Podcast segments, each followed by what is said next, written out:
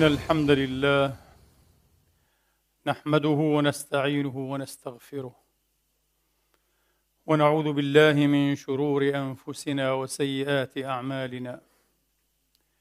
من يهده الله فلا مضل له ومن يضلل فلا هادي له. وأشهد أن لا إله إلا الله وحده لا شريك له. ولا نظير له ولا مثال له. وأشهد أن سيدنا ونبينا وحبيبنا محمدا عبد الله ورسوله. وصفوته من خلقه وأمينه على وحيه ونجيبه من عباده. صلى الله تعالى عليه وعلى آله الطيبين الطاهرين. وصحابته المباركين الميامين. وأتباعهم بإحسان إلى يوم الدين وسلم تسليما كثيرا. عباد الله أوصيكم ونفسي الخاطئة بتقوى الله العظيم ولزوم طاعته. كما أحذركم وأحذر نفسي من عصيانه سبحانه ومخالفة أمره. لقوله جل من قائل من عمل صالحا فلنفسه. ومن أساء فعليها. وما ربك بظلام للعبيد. ثم أما بعد. أيها الإخوة المسلمون الأحباب أيتها الأخوات المسلمات الفاضلات. يقول الله سبحانه وتعالى في كتابه الكريم بعد أن أعوذ بالله من الشيطان الرجيم. بسم الله الرحمن الرحيم. ما اتخذ الله من ولد وما كان معه من إله. إذا لذهب كل إله بما خلق ولعلى بعضهم على بعض. سبحان الله عما يصفون. عالم الغيب والشهادة فتعالى عما يشركون. قل رب إما تريني ما يوعدون. رب فلا تجعلني في القوم الظالمين. وإنا على أن نريك ما نعدهم لقادرون. ادفع بالتي هي أحسن السيئة. نحن أعلم بما يصفون. وقل رب أعوذ بك من همزات الشياطين. وأعوذ بك رب أن يحضرون. حتى إذا جاء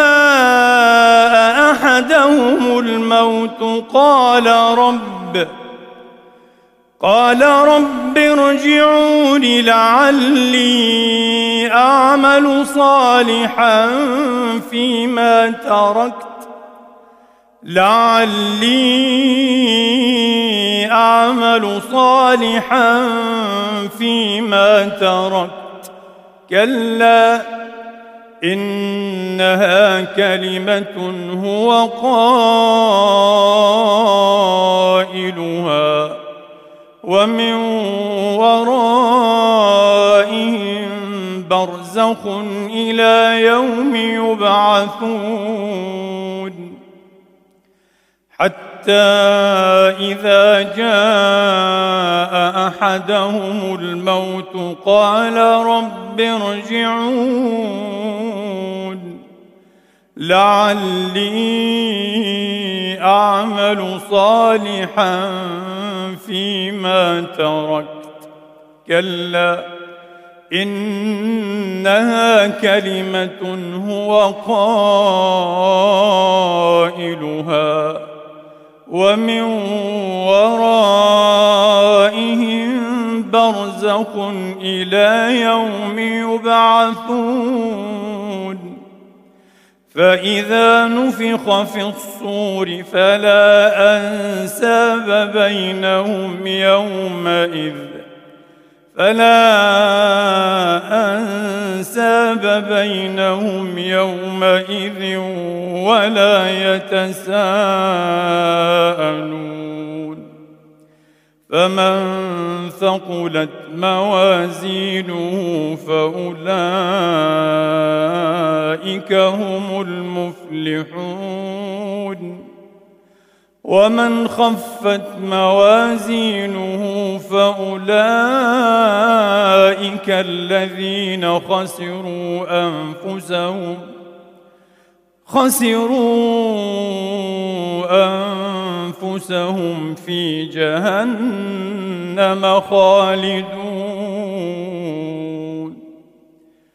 تلفح وجوههم النار وهم فيها كالحون. صدق الله العظيم وبلغ رسوله الكريم. ونحن على ذلك من الشاهدين. اللهم اجعلنا من شهداء الحق القائمين بالقسط. إخواني وأخواتي خلق الناس للبقاء فضلت أمة يحسبونهم للنفاد إنما ينقلون من دار أعمال إلى دار شقوة أو رشاد. ضجعة الموت رقدة يستريح الجسم فيها وما العيش إلا مثل السهاد. هكذا نطق حكيم المعرة. خلق الناس للبقاء. فضلت أمة من الربوبيين والملاحدة والمرتابين يحسبونهم للنفاد أن من مات فات ثم لا يعود أبدا ثم لا يعود أبدا.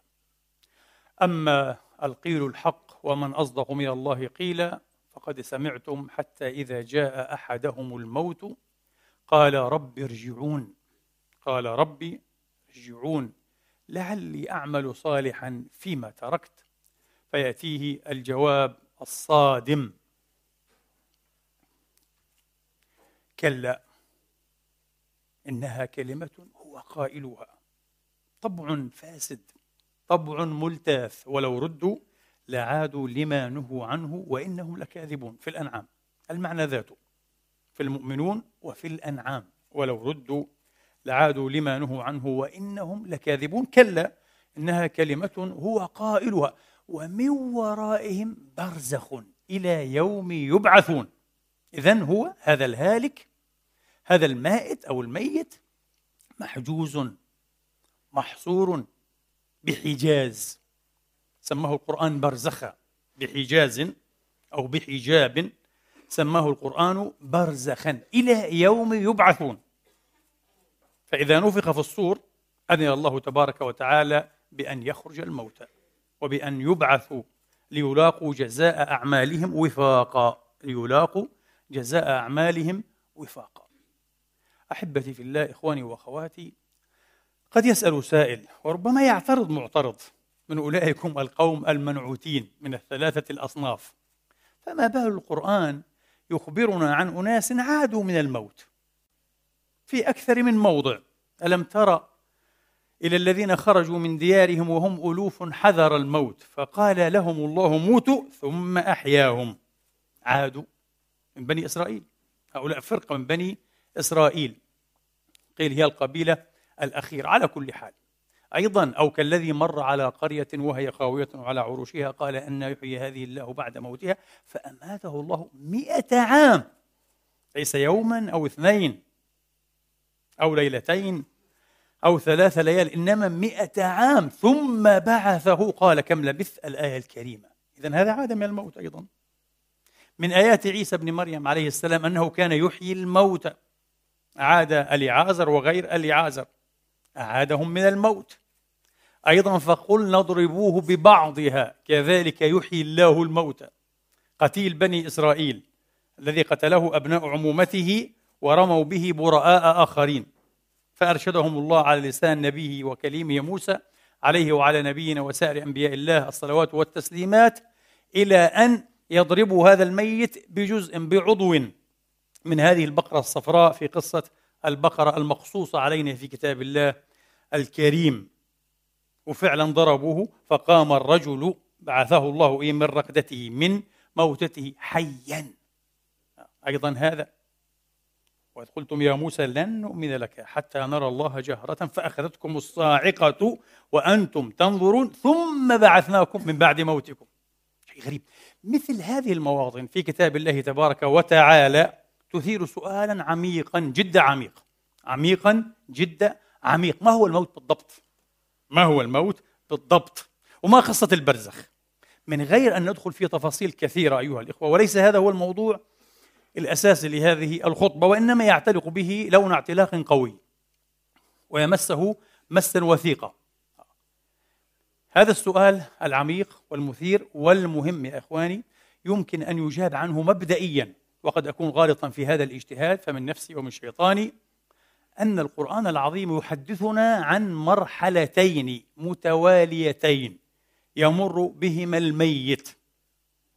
إذا جاءه الموت مرحلتان هما مرحلتان إذن. المرحلة الأولى هي التي يفارق فيها نفسه نحن نقول الروح. عندي تحفظ على هذا النفس. دائما يقول النفس. التي تموت هي النفس التي تخرج هي النفس ليست الروح روح شيء آخر. روح لطيفة ربانية هي ميزة هذا الإنسان وأعطته إنسانيته هذه لا تموت ولا تفنى. أما النفس هي التي تموت وتنتقل من حالة إلى حالة وهذا هو القرآن الكريم. هذا القرآن العظيم. على كل حال تخرج النفس تزايل بدنها. تزايل بدنها تنفصل عن بدنها. هذا موت هذا موت. لكن إلى لدن هذه المرحلة يمكن أن يعود هذا الميت. يدخل هذا المجال الضيق ثم يعود. وهكذا نفسر الأحوال المذكورة في كتاب الله تبارك وتعالى. لكن المرحلة الثانية وهي المذكورة في سورة المؤمنون. في سورة بين المؤمنون. مرفوعة الحكاية طبعا. هذا اسمها. ومن ورائهم برزخ إلى يوم يبعثون. إذا تعدى هذا الميت بعد أي النفس إذا تعدت وجاوزت هذا الحجاز أو الحاجز حاجز أو حجاز هذا الحجاز أو الحاجز أو البرزخ لم يتأتى لها إلى يوم القيامة أن تعود. وهذا نص قوله تبارك وتعالى ومن ورائهم برزخ إلى يوم يبعثون. وقطع هذا البرزخ تعدى هذا الحجاز يستحيل أن يعود. أما الذين ماتوا ولما أو ولما يتعدوا ولما يتجاوزوا هذا الحجاز يمكن أن يعودوا وهكذا قرآنيا وسبحان من أنزل هذا الكلام. كلام عجيب. هو الذي قال لك ومن ورائهم برزخ قص عليك وحكى لك حكاية عن أناس ماتوا ثم عادوا. لكنه قال لك الذي يجوز البرزخ لا يعود إلى يوم البعث. إلى يوم البعث. هكذا إذا نستطيع أن نفسر الحالات المليونية. ليست حالات بالمئات أو بالمئين ليست بالألوف ولا عشرات الألوف ولا مئات الألوف بالملايين. حالات الذين ذهبوا ثم عادوا ماتوا ثم حيوا بإذن الله بالملايين. بحسب إحصاءات رسمية في الولايات المتحدة الأمريكية عدد الأمريكان الذين خبروا هذه التجربة وهي المسماة بتجربة اقتراب أو الاقتراب من الموت Near Death Experience NDE تجربة ال NDE حوالي 15 مليونا فقط في أمريكا وحدها. فما بالكم في العالم؟ ما بالكم في العالم؟ طبعا نسبة الذين يموتون إكلينيكيا أو سريريا بمعنى أن الدماغ يتوقف والقلب أيضا يتوقف. الوعي ينتهي consciousness آه ينتهي ال awareness ينتهي دفق الدم ينتهي التنفس ينتهي كل المؤشرات الحيوية صفر متوقفة. موت كلينيكي موت عيادي سريري. عدد الذين يموتون سريريا ثم يعودون إلى الحياة عبر الآليات المعروفة بالإحياء أو بالإنعاش. آه؟ resuscitation resuscitation يتراوح بحسب Lancet الدورية الطبية المشهورة عالميا من 12 إلى 18% عجيب. نسبة كبيرة. توشك أن تقترب إيه؟ من الخمس. من بين كل ستة تقريبا يموتون موتا إكلينيكيا واحد يعود إلى الحياة. يقول لي كم؟ نحن درسنا سمعنا. أنه بعد خمس دقائق تتموت كل خلايا الدماغ. يصيبها الدمج دمج. تخرب تتلف بالكامل. لا أعجب شيء. وهذا شيء محير ومخيف. آه. الآن أكثر ما وصل إليه العلماء آه. ثماني ساعات. بعد ثماني ساعات. رجل ميت إكلينيكيا دماغه ميت قلبه ميت كل شيء ميت. جثة. بعد ثماني ساعات أعيد إلى الحياة بإذن الله تبارك وتعالى. شيء غريب ونشأ فرع جديد من الطب. اسمه طب العناية بعد الإنعاش. post آه resuscitation care medicine طب العناية بما بعد الإنعاش. هؤلاء الذين عادوا من الموت.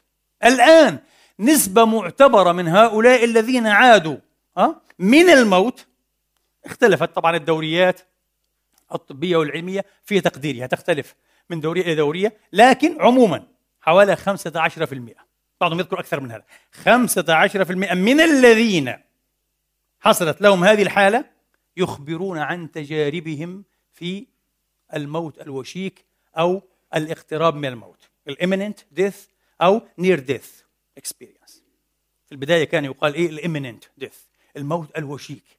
هذا مصطلح سكه سنة 1896 ال epistemologist أو عالم الإبستمولوجيا وأيضا عالم النفس الفرنسي فيكتور إيجا قال لك إيه؟ تجربة الموت الوشيك experience of imminent death. لكن في منتصف ثمانينيات القرن العشرين 1975 ومع كتابه الشهير Life After Life الحياة بعد إيه؟ أو حياة بعد الحياة للطبيب والفيلسوف وعالم النفس الأمريكي الشهير رايموند مودي. آه اكتبوا عنه. هذا مشهور حي إلى اليوم الرجل هذا. عجيب. هذا يعتبر رائد الان دي اي رائد الأبحاث والدراسات في تجارب مقاربة الموت أو الاقتراب من الموت وخاصه في كتابه هذا. خاصة في كتابه هذا. سك هذا المصطلح. Near death experience. بدل المصطلح إيه experience of imminent death. أصبحنا دائما نقول إيه؟ الان دي الان دي تجارب الان دي هذه الفضل فيها يعزى إلى هذا الطبيب والفيلسوف وعالم النفس الأمريكي رايموند مودي. رايموند مودي. على كل حال اذا نسبة كبيرة من البشر يموتون ثم يعودون. والله لله الحجة البالغة. والله فلو شاء لهداكم أجمعين. كان يتشبث المتشككون والملاحدة والربوبيون يقول لك ما أحد ذهب وعاد. من أين لنا؟ جميل. كذب الأنبياء جميعا. أطهر خلق الله وأشرف خلق الله. أه؟ كذب الأنبياء كذب الرسل كذب الوحي السماوي ولا تعترف بهذا. ما عساك تفعل مع ألوف الحالات الموثقة علميا والتي تنشر في الدوريات العلمية المحترمة مثل لانست ومثل أيضا إيه؟ يعني دورية الإنعاش المشهورة الجورنال تبع إيه الإنعاش المشهورة وأشياء كثيرة. ودورية الدورية الأمريكية مثلا لعلم أمراض الأطفال نشرت هذا. حالات كثيرة موثقة علميا. وخاصة هذه الحالات الموثقة تحدث في المشافي في المستشفيات. والذين يوثقونها أطباء عموما ينطلقون من البارادايم أو النموذج المادي. وهذه الحالات تخضهم وتزعجهم. وهي الآن طبعا هناك ما أدعوه أو ما أسميه الروغان. محاولات روغان علمي واضحة. طبعا الوقت لا يتسع. لكي نعرض لكم طرفا أو نقتص عليكم طرفا من محاولات هؤلاء العلماء بنماذجهم المادية الصلبة المغلقة لتفسير هذه الحالات. قال لك هذه حالة إيه؟ من نقص الأكسجة، نقص إيه؟ الأكسجة في الدماغ أو زيادة الأكسجة كالتي تحصل للطيارين في الشواهق والمرتفعات تنقص إيه؟ الأكسجة في أدمغتهم. آه. hypoxia حالة من هي حالات ال hypoxia. آه قال لك هكذا يمكن استحثاثها.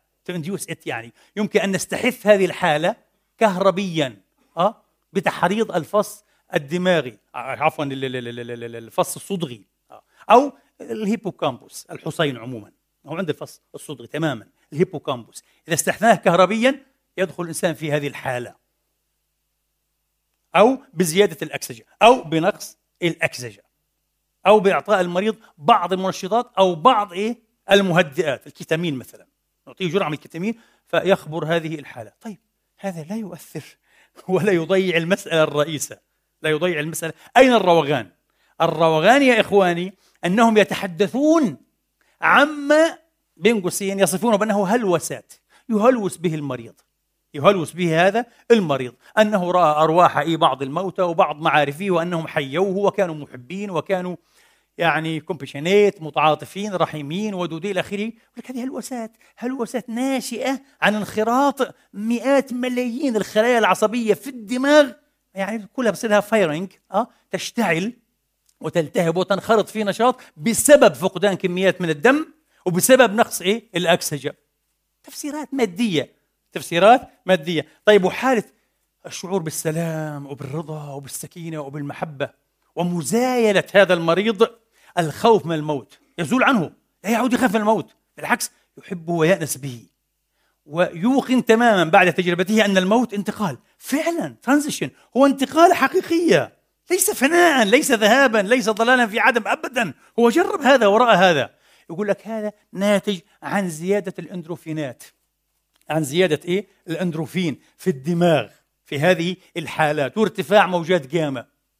ترتفع هذه عند المتأملين عند الذين يمارسون إيه؟ الصلاة واليوغا وعند أيضا الذين إيه؟ يقتربون من الموت. يوشك أن يموتوا أن يفنوا ويعدموا. ترتفع الموجات. موجات جاما كل هذا روغان.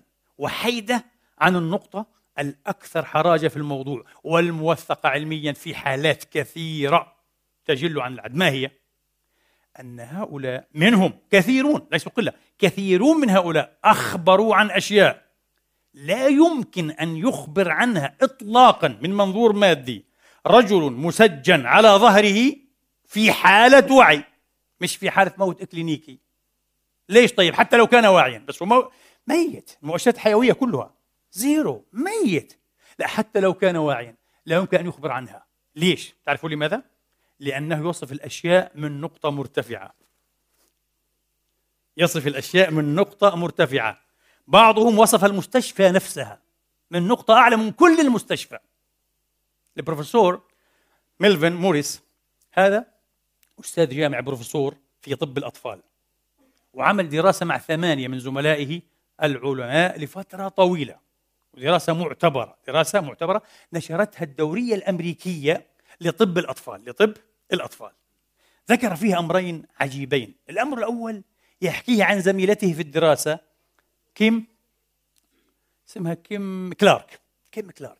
السيدة كيم كلارك طبيبة لكن مختصة في العلاج النفسي. آه. لهؤلاء المصدومين ولهؤلاء يعني طب إيه؟ الصدمات. مختصة في العلاج النفسي لهم. تحكي السيدة كيم كلارك عن مريضة ذهبت إليها في المستشفى هناك لكي تعالجها لأنها أصيبت بأزمة قلبية حادة وفارقت الحياة إكلينيكيا. وعادت بعد أسبوع. وعادت بعد أسبوع شيء غريب. فتريد إيه أن تؤهلها من جديد نفسيا. تقول السيدة كيم كلارك الذي أدهشني وحيرني أن المريضة لم تكن معنية بقدر لا قليل ولا كثير بنصائحي. لم تكن تلتفت إلى نصائحي. كانت مشغوفة جدا ومدفوعة أن تحدثني عن تجربتها المثيرة. فأتحت لها المجال. تفضلي. قالت لها لقد خرجت من بدني. ماذا؟ قالت خرجت من بدني ووصفت أشياء دقيقة كان يقوم بها فريق الإنعاش. فريق الطبي الذي يريد أن يعيشها وصفتهم بدقة. أكثر من هذا حتى تقطع الشك باليقين. قالت لها حلقت في السماء. رأيت المستشفى كله وكل ما حوله. كنت بلا حدود بحرية كاملة. ورأيت في الطابق الخامس عشر الذي عرفت فيما بعد أه أن مكتبك فيه. قالت لها شباك مكتبك فوقه مصطبة في المصطبة فردة حذاء موجودة هناك رأيتها. ماذا؟ الدكتور لم تكذب خبرا. هي طبعا الآن هي أنعشت ولسه في السرير لا نخرج ولم تذهب أي متر. طبعا هذا يحتاج إلى وقت حتى تستعيد إيه؟ حالتها الطبيعية. فقامت الدكتورة صعدت إلى مكتبها في الطابق الخامس عشر من المستشفى فتحت لم تجد. تحت إصرار المريضة تشبثت أه؟ تسلقت قليلا وضعت يدها في المصطبة فإذا فردت حذاء. قالت هي هي بالضبط هي التي رأيتها. بارني كلارك حدثتكم ربما قبل سبع ثمان سنوات. أول من زرع له قلب صناعي بارني كلارك. بارني كلارك حدثت له هذه الحالة تماما. لم يصف فقط لهم وقد كان ميتا إكلينيكيا أه؟ لم يصف لهم ماذا كانوا يفعلون وماذا قالوا فقط. بل وصف لزوجته وكانت هي في الكردور ليست في غرفة العمليات في الخارج. وصف لها بالضبط ماذا فعلت وماذا قالت. وبماذا كانت تنعي حظها. وتؤمل إيه لزوجها بين الموت والحياة. ترى ربما إيه هذا يغادر. استغربوا. مثل هؤلاء بالألوف الذين يصفون أشياء ومن أعلى نقطة. على فكرة نقطة وصف الأشياء من أعلى نقطة. مرة أخرى بين قوسين نقول لا يمكن لمن كان حيا بكامل وعيه مسجن على سريره أو محفة طبية أن يصفها. ولا بتقدروا. في أي واحد فينا بيقدر هو مسجل هيك يصف هذا المسجد من أعلى نقطة فيه مثلا ويصف من فوق. مستحيل. هم يفعلون هذا. إذا فعلا هم خرجوا من إيه؟ من أبدانهم. وهذه الأشياء التي خرجت وقطعا ليست الجزء المادي. الجزء المادي تحت مبضع إيه؟ الجراحين وتحت أدوات المنعشين. حقن الماء الملح المبرد وحقن الأدرينالين وأمثال هذه الأشياء. يعبثون به يحقنونه. وجهاز أيضا الصدمات الكهربائية ضغطات الصدر. هذا هو البدن. أما النفس التي زالت هذا البدن وهي ترى ترى بدنها وتستغرب من أنا إذا وما هذا؟ وتفهم في لحظة وتفهم في لحظة. إذا أنا حقيقتي ها ال true self يعني ذات الحقيقية هي هذه التي خرجت. وليست هذا الثوب الذي نزع. هذا الثوب منزوع. يا حسرة. يا حسرة يا خادم الجسم كم تشقى بخدمته؟ تطلب الربح مما فيه خسران. أقبل على النفس واستكمل فضائلها فأنت بالنفس لا بالجسم إنسان. مضيعين حياتنا من أجل الجسم وتدريبات وجيمناستيك وجمال ولباس والجسم ومش عارف فقط الجسم. وين حظ النفس؟ وين حظ الروح؟ النفخة الإلهية نفخت فيه من روحي. وين حظ الذات الحقيقية فيك؟ ضيعتها من أجل هذا البدن. أكل وشرب وشهوات وجنس وكلام فارغ وعدوان وغضب. من أجل هذا الجسد. هاي مسجل. ثوب. يرمى هذا في الأرض. وذاتك الحقيقية التي تشتمل على الممرز الذكريات وعلى الوعي وعلى الشعور بذاتها. تجادل كل نفس عن نفسها عن ذاتها. يوم تأتي كل نفس تجادل. شيء غريب. هذا هذه الذات موجودة. هي هذه التي تخرج لا يريد هؤلاء العلماء الماديون أن يعترفوا بالحقيقة. يراوغون يحدثونك كيف استحداث التجربة. لا بأس استحثوها كهربيا وكذا وعصبيا ما عندناش مشكلة. يحدثونك إيه عن سبب الإيه؟ هذه الهلوسات. لكن لا يحدثونك عن هذا الضرب من الوعي المفارق. غير المحايث. وعي منفصل. ما يسميه البروفيسور البريطاني الشهير طبعا شيلدريك العقل أو الوعي الممتد.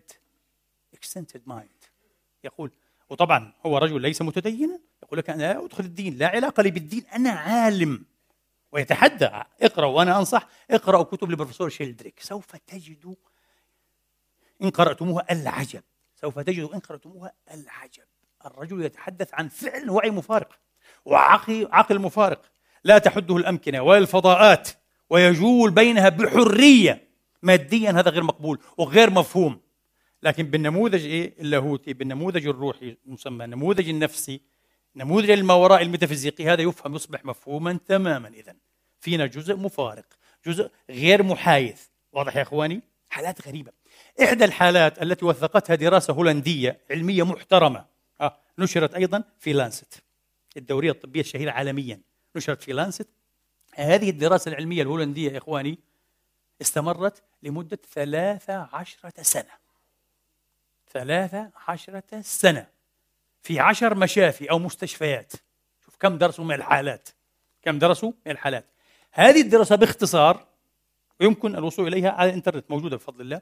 هذه الدراسة تقول لك باللسان القاطع أو بالضرس القاطع التفسير المادي لهذه الحالات غير معقول. لا يفسر أشياء كثيرة. لا يفسر أشياء كثيرة. أبدا. نحتاج إلى تفسير أكثر صدقية. أكثر مرونة أكثر مرونة.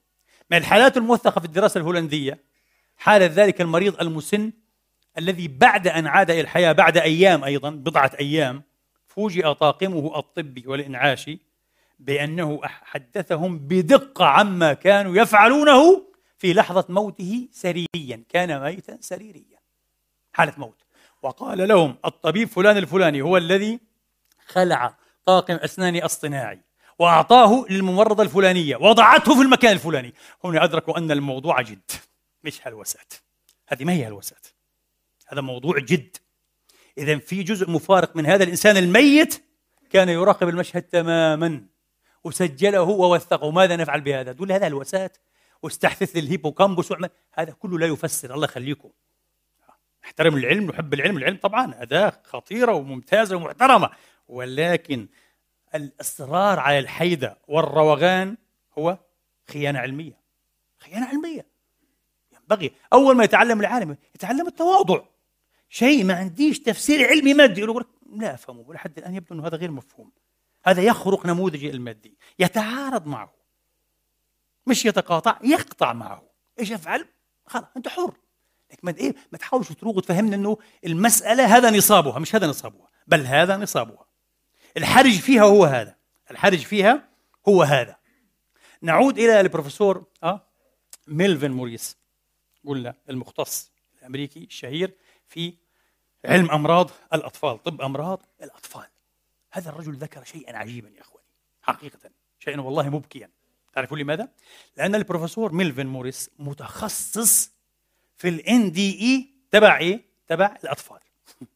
يعني في التجارب التي يمر بها الأطفال غير البالغين الحنث غير البالغين الحلم. الاطفال الصغار 12 فدون. حين يمرون بتجارب ماذا؟ مقاربة الموت مشارفة الموت ان دي اي والله شيء غريب. في الدراسة التي نشرتها الدورية المذكورة قال تجارب الأطفال حين يشارفون أو يقاربون الموت تتطابق تماما مع تجارب الراشدين. باستثناء واحد. هنا لا يملك المؤمن إلا أن يقول صدق الله ورسوله. يبكي قلبه والله قبل عينيه. الحمد لله. الحمد لله الذي هدانا لهذا وما كنا لنهتدي. لولا أن هدانا الله لقد جاءت رسل ربنا بالحق.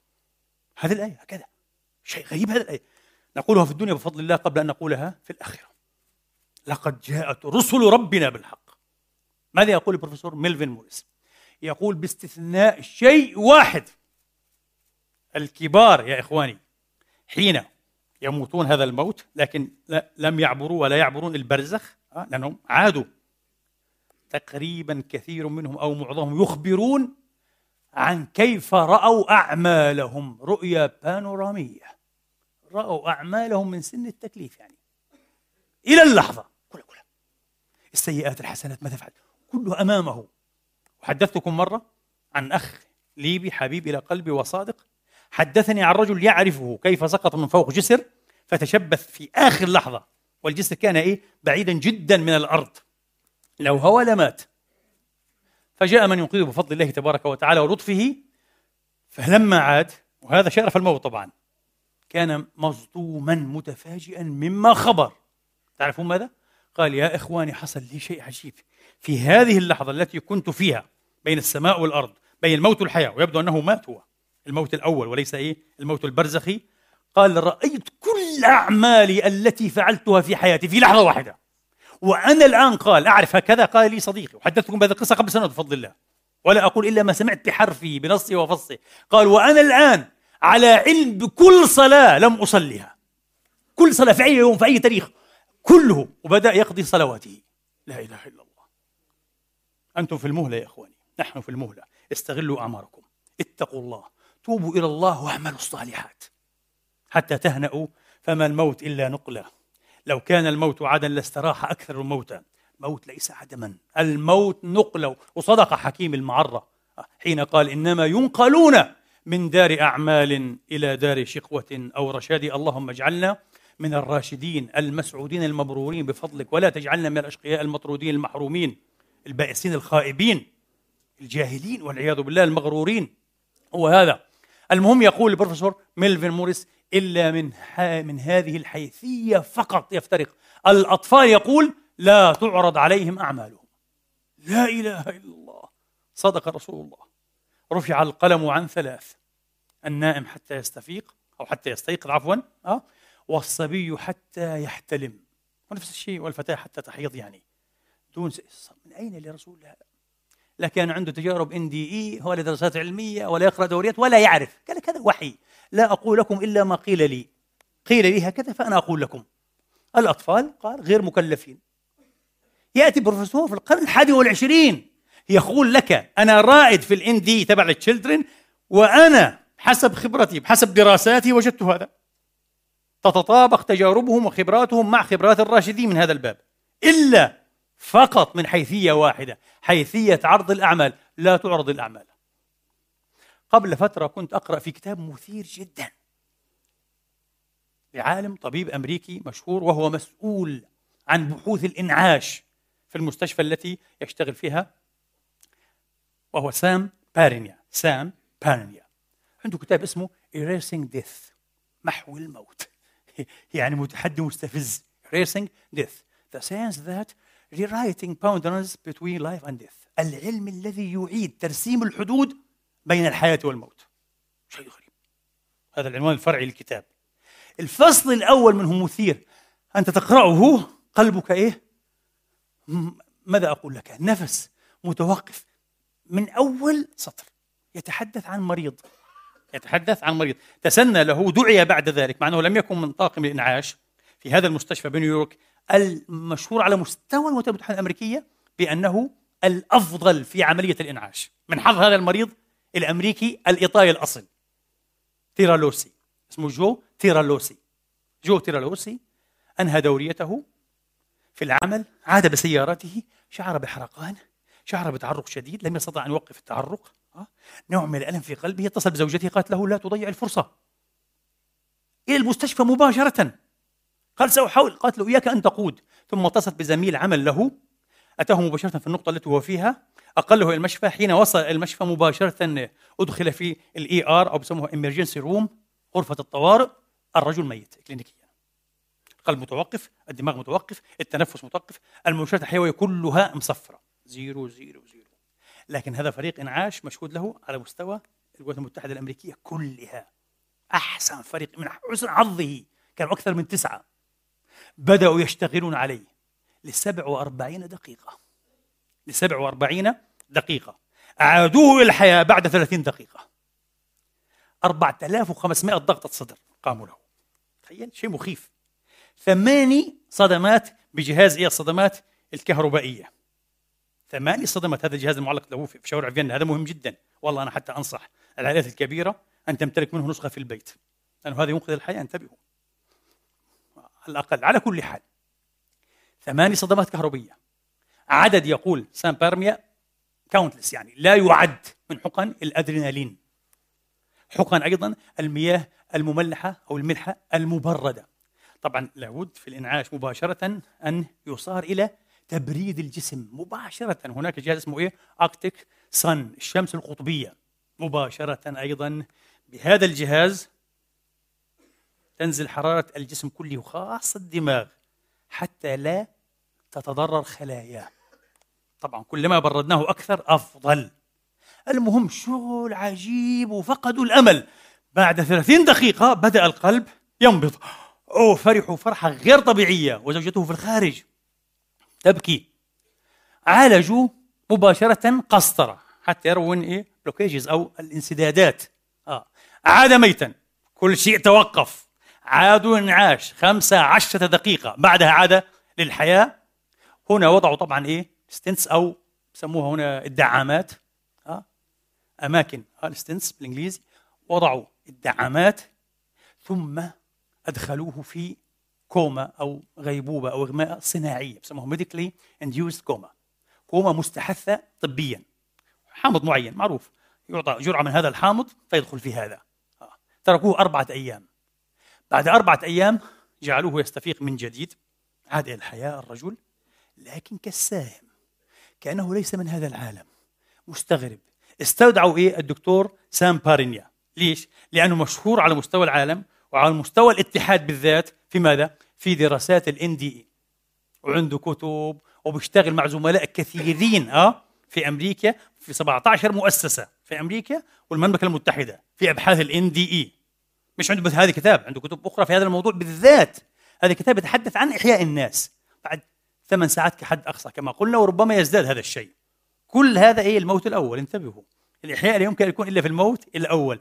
الموت الثاني وحنشوف ليش. شيء تقشعر له الأبدان. على كل حال قال فجئت وقابلته فعلا في اليوم الرابع حين إيه؟ أعيد إلى الحياة من الكوما المستحثة طبيا المصنوعة طبيا. قال فوجدت الرجل يحدثني عن تجربة يؤكد أنها مثيرة جدا جدا غير عادية. يقول له يا دكتور أنا حين كنت ميتا سريريا كنت واعيا بكل ما يدور حولي. ورأيت الأطباء وطاقم الإنعاش وماذا قالوا وماذا فعلوا وحركات أيديهم. قال الدكتور الفلاني كان يعمل هذه الحركات المروحية بيديه. وهذه لا وقال رأيته من فوق كيف يكون إيه شكله. ذكر أشياء عجيبة. قال له يا دكتور التجربة التي مررت بها غيرتني كليا توتالي أنا متغير الآن تماما. بعد أن عدت من هذه التجربة أنا وعيت بشكل واضح هدفي في الحياة. دوري كزوج موقفي من زوجتي مسكينة ودوري كأب ودوري كصديق لأصدقائي ومعارفي. يا دكتور عدت يقول سام بارنيا مثله هنا مثل معظم الذين عادوا يعودون أقل مادية وأكثر إيثارية. يصبحوا كرماء أسقياء يحبون البشر يفعلون الخير لا يفعلون الشر يتخففون من مكرهم من خبثهم من حسدهم من حقدهم من طمعهم من جشعهم.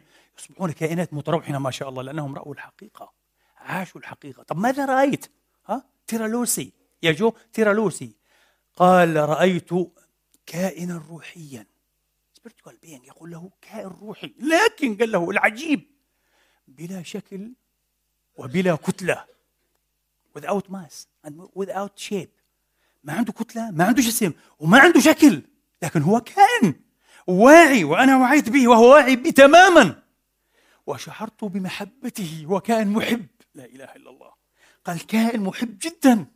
وكائن متعاطف. عطوف شديد العطف. كومباشينيت يقول وكائن منير مضيء. المنس مضيء ومنير ومتعاطف ومحب. وأشعرني بالمحبة والدفء والسكينة. أنا سعيد جدا يقول له يا دكتور بتجربتي هذه. تعلم لماذا؟ لماذا؟ يا تيرالوزي؟ قال لأنني أدركت تماما ماذا سيكون عليه حالي حين أنتقل إلى الضفة الأخرى. لم أعد أخاف من الموت قال له. انتهى. ولذلك كذب علينا ويكذب من جعل الموت البعبع الأكبر. وأنه نزعات الموت أكثر ونسبوه للنبي المصطفى. وكذبوا عليه. وحاشا أن يقول هذا. أبدا أبدا. آه وخاصة في حق المؤمن الصالح. مستحيل يا أخي. بل إن قال النبي فقد صدق وهو صادق في كل ما يقول. طبعا بلا شك. المسألة في مقام الإثبات وليست في مقام الثبوت. الكلام في مقام الإثبات. هل ثبت؟ فإن ثبت فهو أصدق الخلق طرا بلا شك. آه الموت تحفة المؤمن. الدنيا سجن المؤمن وجنة الكافر. هذه هي. طب بلاش. والله شيء أيضا عجيب. بنعود إيه ل تيرالوزي آه الدكتور العالم ال polymathic يعني ال polymath اللي هو زي ما قلنا عالم نفس وطبيب بدني أيضا وفيلسوف. أه؟ اللي هو رايموند مودي صاحب كتاب حياة بعد الحياة. Life After Life 1975 الرائد ال ND إي كما قلنا. هذا الدكتور على فكرة عنده مقاطع في اليوتيوب جميلة هو شخص جميل. شوفوا بلخص لك كل تجارب إيه هؤلاء. وكل ما كتب. وفي الأخير يقول لك مقطع ست دقائق يقول لك باختصار الموت انتقال. الموت ما هو عدم ما هو ذهاب؟ انتقال أنت موجود. كيانك الحقيقي وعيك ذاكرتك ذاتك أه؟ ضميرك حتى أعمالك كل هذا موجود في هذه الذات. ستنتقل إلى أفق أرحب وأوسع. إياك أن تظن أنك تعجز الله أو تضله. إذا مت وانتهيت مستحيل. أه؟ يلخص القضية. الجميل أنه في كتابه هذا أه؟ ماذا يقول؟ يقول الذين درستهم وقابلتهم العائدون من الموت العائدون من الموت يشبهون موتهم بواحد من هذه التشبيهات. بعضهم يشبهه بسجن فر منه. الحياة سجن. قلت لا إله إلا الله. قال رسول الله الدنيا سجن المؤمن وجنة الكافر. هذول الموتى الصالحين بيكونوا صالحين غلابة. ونحن نشهد كما شهد إمامنا حجة الإسلام الغزالي. وكما يشهد كل الصالحين والعارفين معظم خلق الله في رحمة الله. فكك كفار معظم الخلق بتشوفهم في رحمة الله. أقل هؤلاء الخلق فعلا في غضب الله وسخط الله وكما نقول دائما. أه؟ مش هم الكفار اللي إيه؟ اللي لا هم الكفار الذين آذوا عباد الله وسعوا في تدمير وإشقاء وتعذيب البشر. هؤلاء في سخط الله. وعلى فكرة خش على اليوتيوب أنت وهذا مجال لا ينتهي. في مئات الصفحات وفي مئات الإيه؟ مقاطع اليوتيوب مؤثرة جدا. بعضها العلماء وأطباء وبروفيسورات. شيء مؤثر جدا. أقلها لأناس كانوا سفلة واوغادا. وكانوا عدوانيين وأشرار. قال لك لما انتقلت وجدت الويل. نار وكبريت وعذاب وشيء مخيف. والناس اللي كانوا إيه بيساعدونا على الإثم وعلى المضره بالبشر رأيتهم يريدون أيضا إيه أن يأخذوني معهم في جحيم. قصة عجيبة. شوف ناس بعضهم لا يملك عينيه يقعد يبكي. متعلم يبكي. بكاء مرا كلما تذكر هذه يقول متأسف كلما تذكرت هذه التجربة أنا أنخرط في البكاء. مؤثر جدا. وبعضهم انصلح حاله مثل هذا. بعضهم كان ملحدا طبيب هو روسي وملحد أه؟ صارت له هذه الحالة عاد مؤمنا وأدرك أنه في غيب وفي آخرة وفي بعث وفي نشور ها؟ ومش هيك وبس. قال ولما عدت عدت بعلم جم. صار عندي نوع من العلم عجيب لا أدري كيف اكتش... إيه؟ اكتسبته أعالج به من أمراض خطيرة جدا بما فيها السرطانات. أعالج أناسا. قال أنظر المريض أعرف ما هو. أعالجه بسرعة. شيء غريب لما عاد من هذه التجربة. هذا المقطع على اليوتيوب أيضا مقاطع كثيرة. ألفرد جي آير اللي درس المنطق الوضعي أو الوضعية المنطقية يعرف من هو الفيلسوف الإنجليزي الملحد الكبير العقل الضخم. ألفرد جي آير صاحب كتاب اللغة والحقيقة والمنطق. هذا من أعلام الوضعية المنطقية. ملحد. هذا قال لك ما بنآمن. هذه هي الوضعية المنطقية على فكرة للأسف الشديد اللي كان يبشر بها في العالم العربي المرحوم زكي نجيب محمود. الله يرحمه ويغفر له. آه. قال لك إحنا بكل بساطة أي شيء لا يمكن إعطاء البرهان عليه ماديا طبيعيا. الآن وهنا أو بطريقة شبيهة من هذا أه؟ إمكان مادي على كل حال في الكون هو غير موجود ولا معنى له. لغو من القول لغو لغو. فالله لغو الملائكة لغو الجن لغو الجنة نار أه؟ كل هذا لغو لغو. ملوش معنى. كلمات أنتم تصدقونها بس. يا سلام. هذه الوضعية المنطقية. فلسفة إلحادية كسيحة كسيحة جدا. ألفرد جي آير يحدث عن نفسه. يقول سنة 1988 أصابني اختناق أثناء تناول الطعام زور يعني. ومات شار في الموت وعاد بلطف الله. قال تجربتي هذه غيرت كثيرا من موقف الصلب وإيماني الذي لا يتزعزع بعدم وجود الحياة الآخرة. تغير كلامه شوف هاي فيلسوف كبير مش واحد أهبل هذا. ألفرد جي آية. فهذه التجارب عودوا إليها وحاولوا تشوفوا أكبر قدر منها. المهم بعضهم يشبه إيه؟ انتقاله من الدنيا بالموت إلى ما بعد الموت إلى الضفة الأخرى بأنه ماذا؟ بأنه هروب من السجن أو تخرج من الجامعة أو إيه؟ الثانوية العامة. أه؟ أو تخرج من الجامعة أو الثانوية العامة. أه؟ بعضهم يقول أو كالعودة إلى البيت. كأنه عندي بيت بيت جميل وممتاز وبرجع إليه. أنا رجع لبيتي. مش رايح على عالم بعرفوش وخايف وموهوم أبدا. اقرأوا قول الله تعالى في سورة يونس. إن الذين آمنوا وعملوا الصالحات يهديهم ربهم بإيمانهم تجري من تحتهم الأنهار. ماذا قال المفسرون فيها؟ قالوا المؤمن حين يدخل الجنة لهو أعرف بمكانه في الجنة وبكل ما في الجنة له من أحدكم بطرق بيته في الدنيا. لا إله إلا الله. يا الله يعني كتاب الله ما ترك شيئا. فعلا في المغيبات. وهذا هدف الدين الحقيقي. أن يعطيك علما متينا ربانيا. ومن أصدق من الله حديثا من أصدق من الله قيلا. فيما يختص بماذا؟ بالغيب. بما بعد جسر إيه؟ الموت أو ضفة الموت. قال لك بتروح غادي بتعرف جنتك وبتعرف بيتك وبتعرف كل شيء. هذا قال لك من لحظة الموت. كأننا نعود إلى بيوتنا. ورحمة الله على من قال وهو ابن القيم رحمة الله عليه في القصيدة المشهورة فحي على جنات عدن فإنها منازلك الأولى وفيها المخيم ولكننا سبي العدو فيا ترى نعود إلى أوطاننا ونسلم. الله أكبر. نحن أبناء الجنة يا إخواني إن شاء الله. نحن أبناء الآخرة. جئنا هنا للاختبار فقط للاختبار. فاحرصوا وشددوا على أن تفوزوا في هذا الاختبار. إياكم أن يغركم بالله إيه؟ الغرور. أو تغرنكم إيه؟ الدنيا. كل هذا الزائل وزائل بسرعة على فكرة. 60 و70 و80 سنة ومرات حتى 30 بموت على 30 و20 هذه فترة أقصر مما تظنون. كأنهم لم يلبثوا إلا إيه؟ إلا ساعة من نهار. بلاغ فهل يهلك إلا القوم الفاسقون؟ أقول قولي هذا وأستغفر الله لي ولكم فاستغفروه.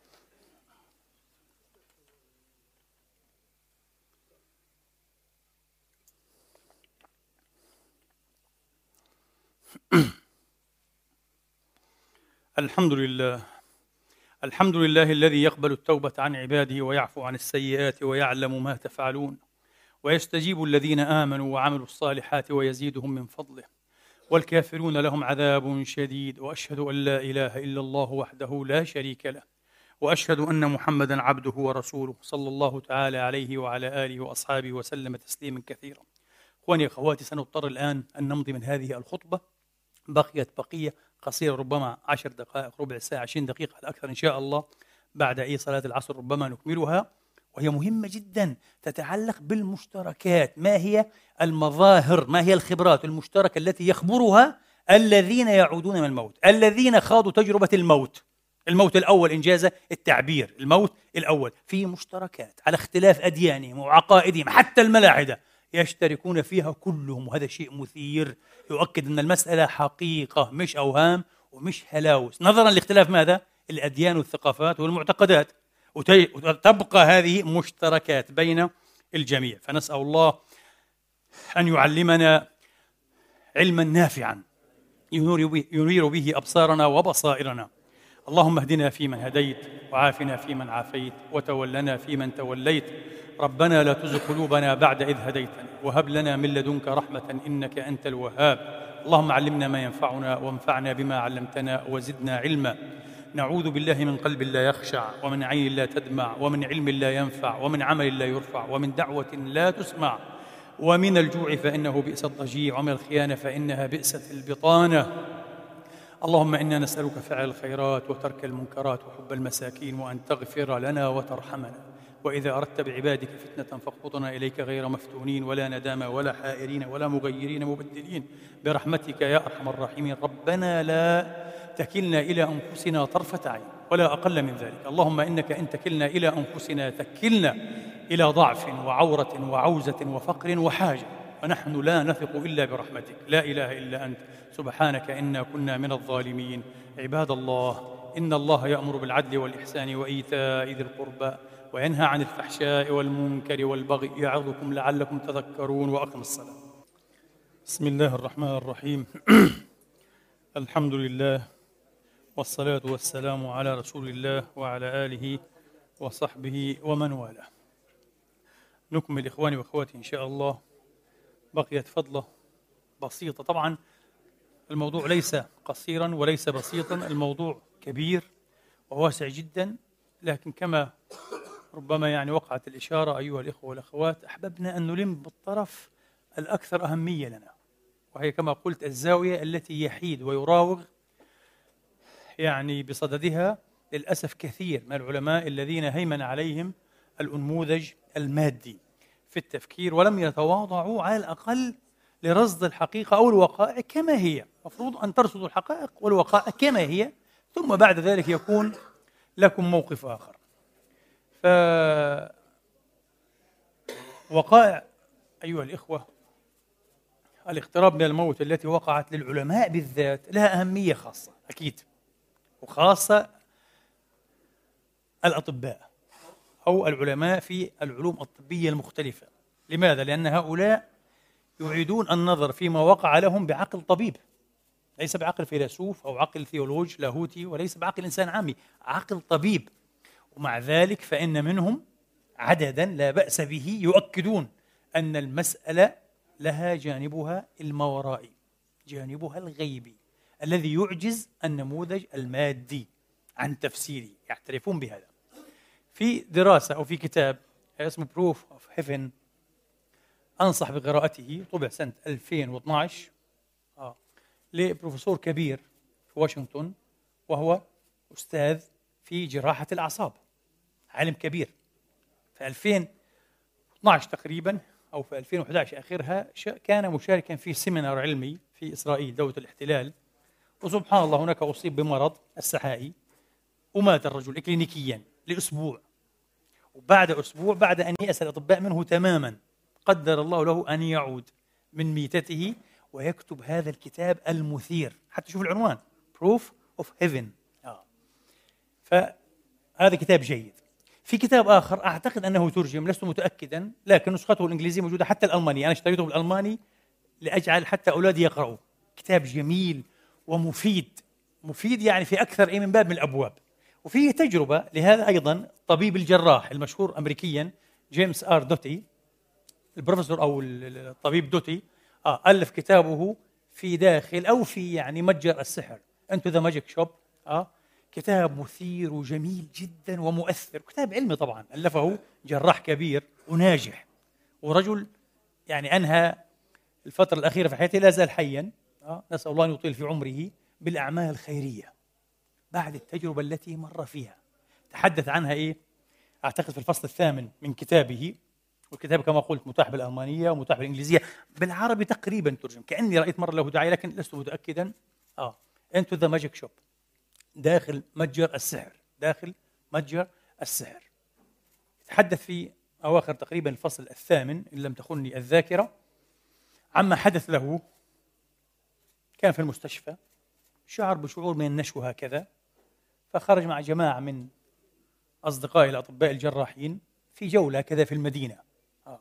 وشاعر بنوع من إيه؟ النشوة بعد أن بلل نسيم الهواء العليل في الليل وجهه. خرج هكذا فتح النافذة وشعر بهذه النشوة قال خلينا نروح. أخذوا معهم كمية من البيرة جلسوا في السيارة فتحوا الموسيقى. وإلى هذه اللحظة الرجل كان ماديا وكان قاسيا. حسب ما يصف نفسه وكان أنانيا ومغرورا. لأنه طبيب ناجح. ولو تشوف كيف قصة كيف خلص الطب قصة كبيرة وجميلة على كل حال. وهو من أسرة فقيرة ومعدمة وحالة. آه. لكن صنع نفسه بقوة الإرادة وقوة العزم والإصرار وأصبح جراحا كبيرا وماهرا. فكان عنده هذا الغرور والكبرياء والغطرسة آه. على الجميع حتى على زملائه على مديره في المستشفى يعني لا يقيم وزنا لأحد آه. رجل مادي متغطرس إيه. فقال كنا في السيارة ومن حسن الحظ حين جلست شيء ما يعني كونجكشر هي كذا يعني قال لي ضع الحزام البلت هذا حزام الأمان قال فوضعته قال سيارة قديمة هي لأحد زملائنا من أمه موديل 1964 يبدو أنه لم يغير الإطارات كما ينبغي في كل موسم. قال عند حافة معينة كيف معين يعني؟ انزلقت وصار حادث. كان هو أكبر المتضررين. هم ردوش خفيفة أما هو خدوش خفيفة أما هو أشفع الموت.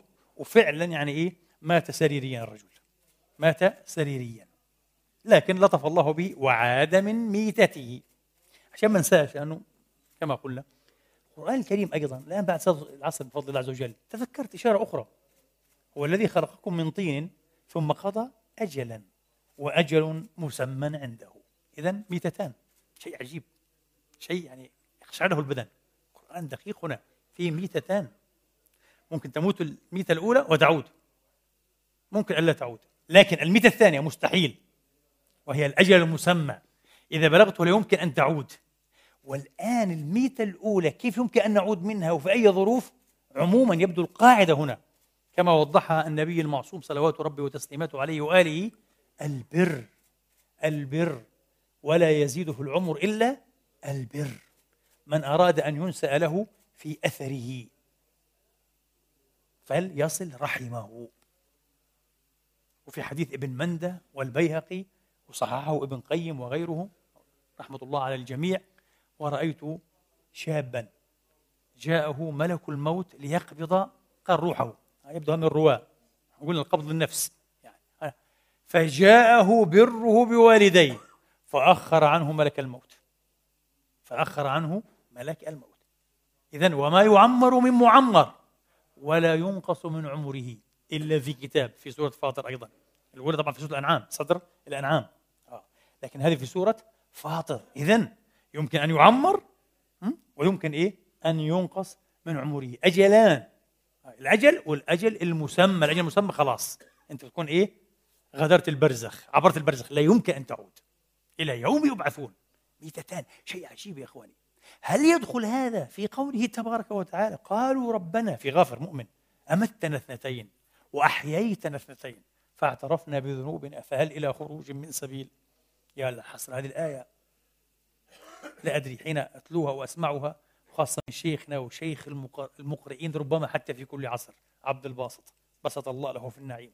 ورضي الله عن الروح الطاهرة. كيف يقرأها في إحدى القراءات؟ يا الله يا الله. أنا أشعر أن الجبل ممكن أن يخر. ولولا أنني أخجل عندي خجل كان حاولت إيه؟ أن أقلد كيف يقرأ هو. كأنه يبكي. قالوا رب بصوت قوي جهير وعنده حنجرة ذهبية. قالوا ربنا أمتنا اثنتين وأحيتنا اثنتين فاعترفنا بذنوبنا فهل إلى خروج من سبيل؟ لا إله إلا الله. يمكن أن تدخل. آه. وإلا التفسير المشهور عند جمهرة المفسرين آه. كيف تكفرون بالله وكنتم أمواتا فأحياكم ثم يميتكم ثم يحييكم ثم إليه ترجعون. إذا هما إيه؟ ميتتان وحياتان. واختلفوا. فمنهم من قال وكنتم أمواتا أي قبل أن تخلقوا وقبل أن تعقدوا. بيوضا أو يعني بييضات في أرحام الأمهات مبايض الأمهات وحياة من سبيرمز يعني في أصلاب الآباء. طبعا في إيه؟ في مناسل يعني الآباء. وبعضهم قال لا بل هذا الحيمن أو السبير نفسه هو الميتة. ليش؟ قال ابن قتيبة على ما أذكر قرأته هذا قبل أكثر حوالي 40 سنة طفل صغير. آه. قال رحمة الله تعالى عليه كل ما أبين من حي فهو ميتة فالحيوان المنوي وهو فيك جزء من حي لكن إذا خرج منك يعتبر ميتة. هكذا اللغة تقول. الله أعلم. قصة. يعني لكن الآية ممكن تحتمل حالة مثل هذه. على كل حال نعود يا إخواني. يقول وحين أوعد طبعا إلى الحياة بإنعاش زملائي وكانوا حريصين علي رغم أنهم كانوا يتأذون مني هل أنا بخير؟ هل أنا مت؟ قالوا أنت مت وعدت. ويمكن أن تبقى لكن إلا إيش؟ يعني أن نقوم بإنهاء حياتك. يذكرونه كيف كان يعاملهم. آه. على كل حال قال هكذا تقريبا. قال ما مررت به البروفيسور جيمس آردوتي يقول ما مررت به. لا توجد كلمات أو جمل أو تعابير يمكن أن تفي بشرحه قال اللغة هنا تعجز الحال اللي شفته أنا وهذا مادي متغطرس. ها؟ أه؟ قال شيء لا يوصف. شيء لا يوصف. هي معنى الكلام. ولست مضطرا أن أشرحه لغيري. عشان تصدق أنت كطبيب والكلام ما يهمنيش فيك. قال أنا هذه حالة عشتها. دخلت الحالة هذه وعشتها. مش مضطر أن أوضح لك. خليها إلي هذه هديتي. هدية الغيب إلي يعني معنى كلام يعني. لست مضطرا أن أشرحه لأحد. ما الذي حدث؟ قال حين كنت ميتا كلينيكيا أو عياديا سريريا قال رأيت أنني أخرج من بدني. وهذا أحد المشتركات بين كل الذين إيه؟ يعني يقاربون الموت أو يشارفون أو يموتون الميتة الأولى في الأحرى. يبدو أنها الميتة الأولى. طيب قال وطفوت فوق جسمي ثم انطلقت أعبر نهرا ضيقا. على ضفتي النهر على ضفتي النهر رأيت أشخاصا أعرفهم أحبهم. وبعضهم كانوا أحياء مثل أمي. تحييني في حالة وداعة وسلام ومحبة. أشخاص محبين كانوا. رأيت أخي الصغير حين كان يعبث معي ومزحني في بيتنا في لانكاستر. ورأيت دراجة البرتقالية الحبيبة ورأيت الفتاة التي أحببتها وأنا في المرحلة الإعدادية. ورأيت ورأيت رأيت كل هؤلاء المحبين والحالات الجميلة. أه؟ ورأيت في آخر النهر نورا أبيض شعشعانيا ساطعا لكن غير مؤذي. وهذا أحد المشتركات. لا يؤذيك. نور قوي جدا جدا. أقوى مما تتخيل. ولكن لا يؤذيك. تنظر فيه. قال وشعرت بشعور عجيب من المحبة والإحتواء.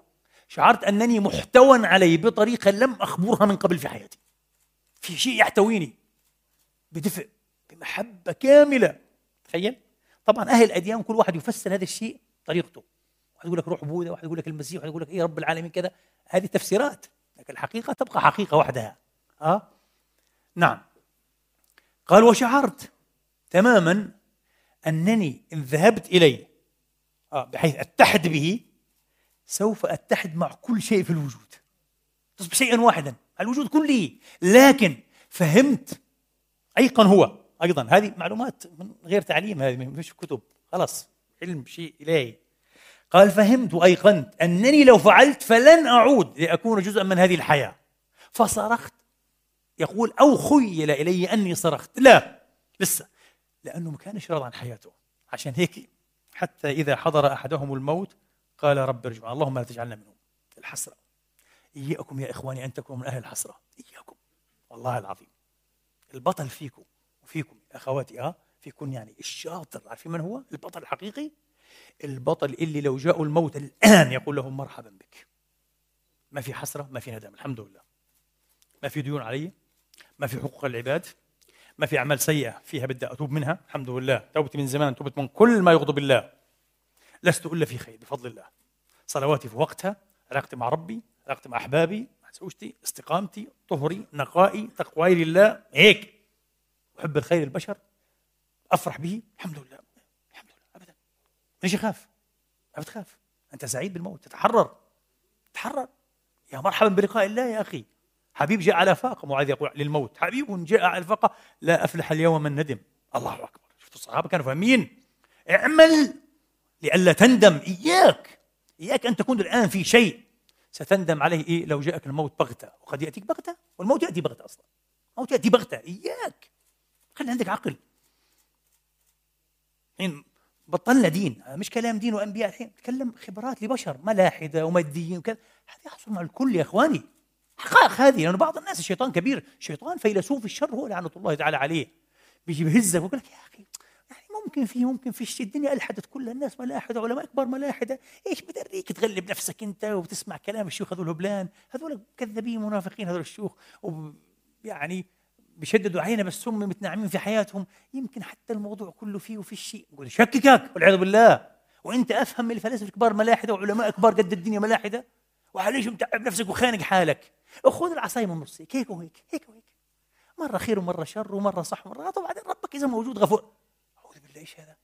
بدا يهزك ويشككك ويخلي حياتك كلها كلام فارغ. مش هيك الدين. مش هيك نعيم الإيمان واليقين يا إخوان. إيش بيصير معك أنت؟ إياك. إياك. وفكر في مثل هذه القضايا. هاي. هاي. هذه تحصل لمؤمن وكافر ولملاحدة تحصل. الحالات هذه على فكرة. ها؟ الان دي اي تحصل لملاحدة. وبعضهم تغيرت حياته وبعضهم ما تغيروش. وصدق الله العظيم. ولو ردوا لعادوا. حصل معي. أنت حر. إيش اعمل لك؟ شقي. أنت ممن ذرى الله لجهنم ولقد ذرأنا لجهنم كثيرا والعياذ بالله. إذا أنت حاطه إيش اعمل لك أنا بصراحة؟ شرير للدرجه هذه. وتمر بتجربة زي هذه وتشوف أشياء وتشوف من فوق وتعرف إنه فيك وما بدكاش. إيش اعمل لك أنا؟ الله يهديك. بس أقول الله يهديك يحصر عليك اتحصر عليك والله. بس وأحزن. أحزن على أخي الإنسان أي إنسان والله. يأبى إلا أن يكون حطبا لجهنم. يا خساره ليش تعمل في نفسك هيك؟ ليه؟ وإيش بيمنعك الدين؟ الحمد لله. والله الدين ما معنى حاجة. والله العظيم الدين كل شيء منعنا إياه منعنا إياه لسعادتنا وهنائنا وإحنا من أسعد الناس بهذا المنع والحمد لله. شو؟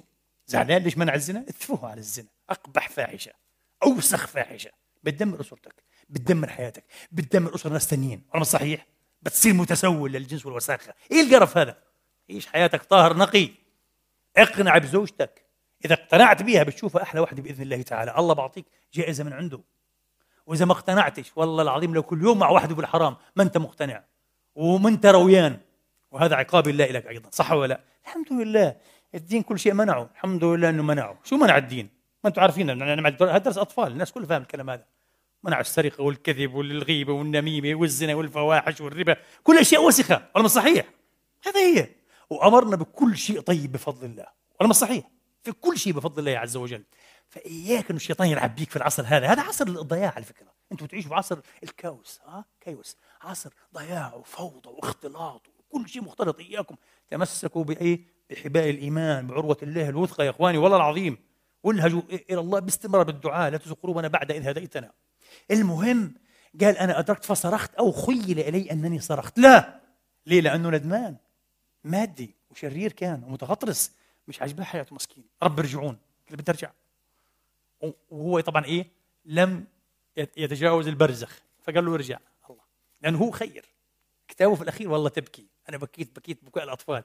تبكي تبكي. مؤثر جدا ما شاء الله. كيف انقلب هذا الشخص؟ وكيف صار يعمل؟ وكيف ربنا يعني ابتلاه بثروته؟ فقد كل ثروته بالملايين كانت. ملايين جراح كبير هو. ناجح ماهر ذكي. ذكي جدا.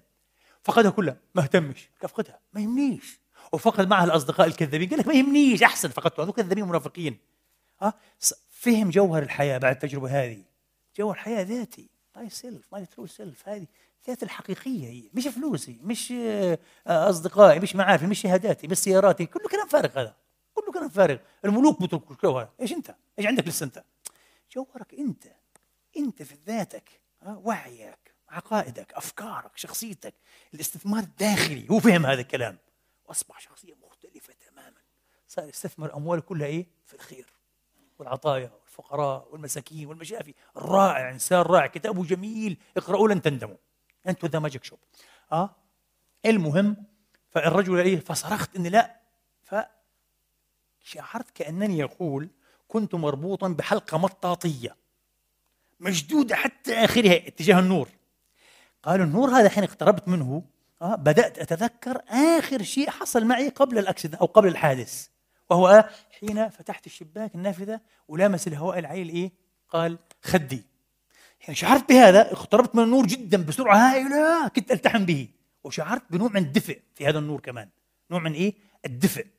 وحصل بعد ذلك أنني لا أريد أن ألتحم وما أرجعش الدنيا وانتهى كل شيء. خلاص. سلمت ورقة الامتحان. طويت إيه؟ الصحف. جفت الأقلام وطويت الصحف. لا ما بدي تطوى صحيفتي. لا لا, لا بدي أخط في أشياء ثانية. بدي أكتب فصل جديد في حياتي أو فصول جديدة. أحب أن يكتب شبهات جديدة في حياتي. قال لا. قال فشعرت كأن هذه الحلقة المطاطية التي كانت إيه؟ مشدودة حتى آخرها. أفلت منها. فعدت بسرعة هائلة قال بعيدا عن النور. وعدت وإذا أنا في هذه الدنيا.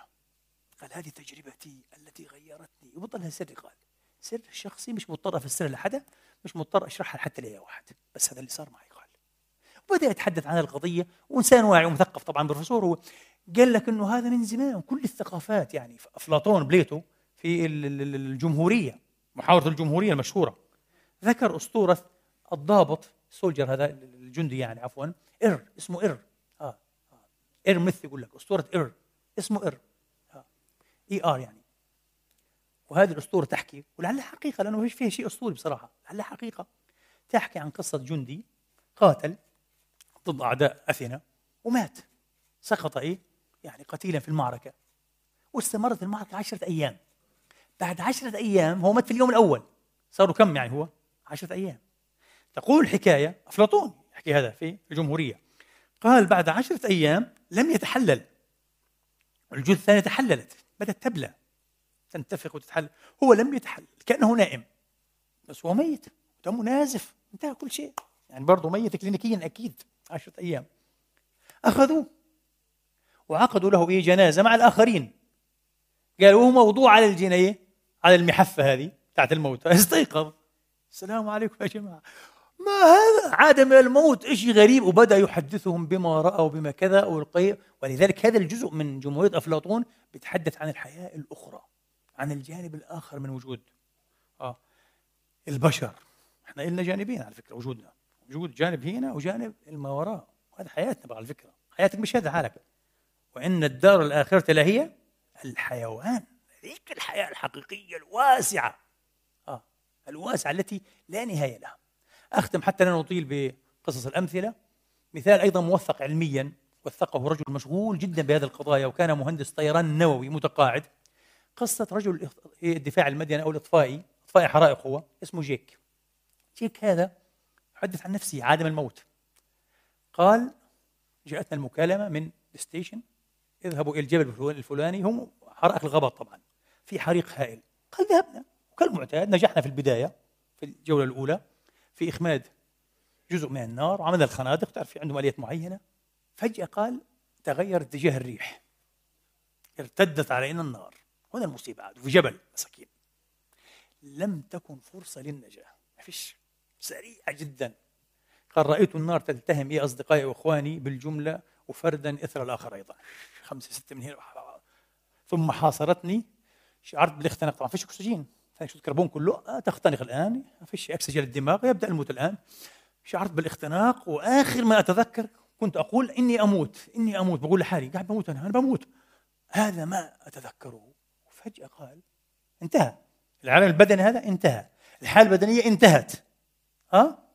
والحول كلهم انتهت حياتهم هو الوحيد اللي عاد. قال فجأة رأيتني مسجن في الأرض. من الذي يرى أنا؟ أرى نفسي. بس مستوعب إيش بصير قاعد كيف شايف حالي أنا؟ إذا أنا حي معناها. آه معناها في حياة أخرى. قال رأيتني مسجن ورأيت إيه أجساد زملائي جميعا. أطوف فوق جثتي. فجأة انتبهت وإذا بأطياف يعني أرواح أو نفوس زملائي جميعا تطوف فوق جثثهم. قال رأيتهم ورأي ورأوني وخاطبتهم. قال أعجب ما اتفق لي أن أحد زملائي وهو فلان كان في رجله عيب. يبدو عنده مسكين إيه شيء في الرجل أو عرج أو كذا في عيب معين هو يذكره. قال عيب معين في عيب في رجله. قال ولما رأيت طيفه يطفو فوق جثته رأيت رجليه ها سليمتين الاثنتين. فقلت له فلان صرخت فيه. قال نعم. قلت له رجلك ليس بها عيب سليمة. قال نعم نعم. هذا عالم النفوس يا حبيبي. هنا هنا. آه. وسبحان الله يبدو إنه إيه لم نقرأ التفاصيل تم إنقاذ هذا الرجل بطريقة معينة وعاد ليقص علينا ما الذي حصل له. معناها مات الموتة الأولى. انفصلت النفس عن البدن والبدن تحت. أيوه. لو احترق بالكامل وكذا كان مش حيقدر يرجع خلاص. ما فيش بدن ثاني. بس ربنا حفظه في لحظة معينة ورجع ورجع. في قصص كثيرة ممكن أن تقرأها في الكتب العلمية في المجلات العلمية بالذات أه وممكن تشوفوا حتى خبرات الناس العاديين بما فيهم بعض العرب. في ممثلين مصريين حصل معهم هذه الحالة. أه وبعض الناس بتعرفهم أنت. على فكرة إحنا بنعرف من جيراننا ومن قراباتنا ومن أصهارنا. أه؟ كل واحد فينا بيعرف هيك يعني. أنا بعرف عدة قصص. أه؟ جيران وأصهار وكذا وقرابات. كلنا بنعرف القصص مثل هذه. إنه الميت اللي بيكون إيه يموت وبعضهم يعني حتى بيكون لا بأس به. ما عندوش يعني إيه مرض عضال مدمر بيكون حالة عادية هيك وبيبدأ يشعر إنه يموت. آه. طيب أنت بخير بقول لهم. صلوا على رسول الله وحدوا الله. وسع وسع. افتح الباب افتح. آه بده يرحب بمن إيه؟ ومعانا وبتكلم معنا. فعلا كأنه إيه برضه في معنى قوله كشفنا عنك غطاءك فبصرك اليوم حديد. ترى ما لا يراه الأحياء الآخرون. وهذا بيكون إيه؟ يعني على حافة الموت المسكين. لسه قاعد بده يموت متهيئ الموت بتشف النفس تتحرر الروح. بيبدأ يشوف بيشوف الملائكة. بيبدأ إيه؟ يحيي فيهم. يا أهلا وسهلا. وأحيانا يذكر اشخاصا بالأسماء بتكون نفوس ناس إيه؟ مضوا. وأحيانا بعضهم من الصحابة. وأحيانا أحيانا روح رسول الله. الشيخ الشعراوي رحمة الله عليه على رأسنا العارف بالله الرجل الصالح. شوفوا كيف ابنه رجل الطيب بيحكي قصة وفاة مولانا الشيخ الشعراوي. شيء يبكي الصخر والله العظيم؟ رحمة الله عليه. هنيئا له. الشعراوي الصوفي المخرف. أيوه مخرف وصوفي على راسه من فوق والله يميتنا ميتة الشعراوي يدخلنا مدخل ورحمة الله على روح الطاهرة. عشان الرسول. ابنه قال قال شيء عجيب وكان عارف. وخبرهم متى سيموت؟ قبل حوالي أربعة أيام. قال لهم الأربعاء. الأربعاء وافتحوا قبر. كان عارف كل شيء. ابنه قال جيته عند الفجر؟ مدلي رجليه هيك وفجأة خرج. رفع حاله قاعد على التخت. لا مش أنا. يقول رحمة الله عليه مش أنا. وابنه بيسمع شيء لا يكاد يصدق. مش أنا يا رسول الله. مين أنا عشان تجيني؟ أشهد أن لا إله إلا الله وأنك عبده ورسوله. ومات. قدس الله سره الكريم. هذا مولانا الشيخ الشعراوي. شوف الخاتمة الطيبة كيف. حسن الخاتمة. نسأل الله حسن الخاتمة. يا رب اختم لنا بأسعد الخواتم. آه. لا يتخبطنا الشيطان لا في الدنيا ولا عند الموت. هو هذا. فعلى كل حال نختم يا إخوان عاد بالمشتركات. إيش المشتركات اللي يخبرها إيه؟ من عاش هذه التجربة العجيبة؟ تجربة مشارفة الموت. بل الموت أنا أسميها بصراحة الموت. واضح موت يعني الموت الأول. آه. مش الموت البرزخي إنجاز التعبير. آه. أول شيء انفصال النفس عن البدن. الطفو فوق البدن كلهم تصير معهم الشغله هذه. قال لك حسيت كياني هو اللي طلع. بقي هذا إيه؟ سبحان الله المسلاخ. بقي المسلاخ. الثوب القميص. قميص البدن قميص لا إله إلا الله. النفس شيء مختلف تماما خرجت ويراه. وزي ما قلنا عاد ويرى أشياء في المحيط. يرى أشياء في المحيط. حدثتكم زمان عن قصة الأخت التونسية. وزوجها كان بيشتغل في القنصلية التونسية هنا. آه. وطلبت هي وزوجها أن يعني إيه أزورهم. المهم زرتهم. تحدثني بتجربتها. وهي تعتقد إنها تجربة فريدة لا تحصل. قلت لها هذه في العالم في منها ملايين يا أختي. قلت عجيب. قلت لها ملايين. ما بتعرف هي. آه. قالت صار معي باختصار حادث. وكانت بنتي معي في السيارة أعتقد في الكرسي الخلفي في كرسي الأطفال. صار معي حادث عند المكان الفلاني وصفته لي قريب من بيتها. آه. في الحي الثامن عشر. قالت وحين وقع الحادث كأنه اغمى علي طبعا لا أدري. فجاه رايتني قالت لي يا أخوي. قالت لي رايته شفت حالي؟ قالت شفت حالي. أنا رأسي ضاربة في المقود في اللينكن. آه. والدم بنزل. وبنتي تصيح في الخلف.